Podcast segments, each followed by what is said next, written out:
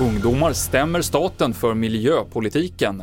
Hot och hat mot snöröjare. Och Qatar förlorade igen trots historiskt mål. Det handlar om i TV4-nyheterna.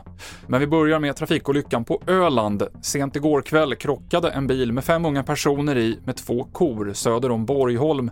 Nu har en av ungdomarna, en pojke under 18 år, avlidit av sina skador, uppger polisen. Det här utreds som grov vårdslöshet i trafik och grovt vållande till kroppsskada, men det finns ingen misstänkt.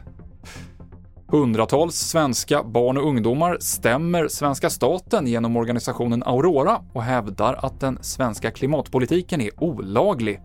Jonas Ebbesson, som är professor i miljörätt, säger att det är svårt att säga hur rätten kommer resonera, men det finns exempel på när sådana här stämningar har lyckats.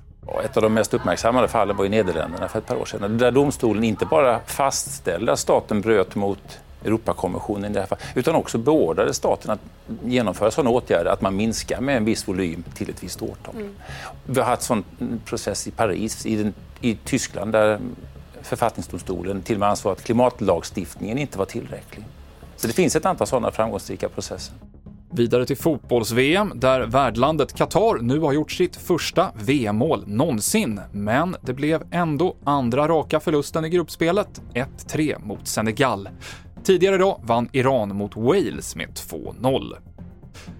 Och livet som snöröjare kan vara mörkt och kallt. Nu vittnar dessutom flera om påhopp och utskällningar, både på nätet och ute på vägarna. Andreas Bengtsson i Vänersborg säger att han och kollegorna är allt mer utsatta. Det är ju personliga påhopp då på, på Facebookgrupper och, och människor som kommer ut och, och skäller på en, rent ut sagt man är den största idioten i ett par skor och man får inte lägga snön där. Och gör du så gör du fel och gör du på andra sättet så gör du också fel. Och det blir inte roligare att sitta där i maskin timme in och timme ut och, eh, och känna att alla blir sura för vad man än gör. Det är inte roligt att röja snö och det är inte roligare nu när folk är så hysteriska som de är. Sa snöröjaren Andreas Bengtsson. Fler nyheter hittar du på tv4.se och jag heter Mikael Klintevall.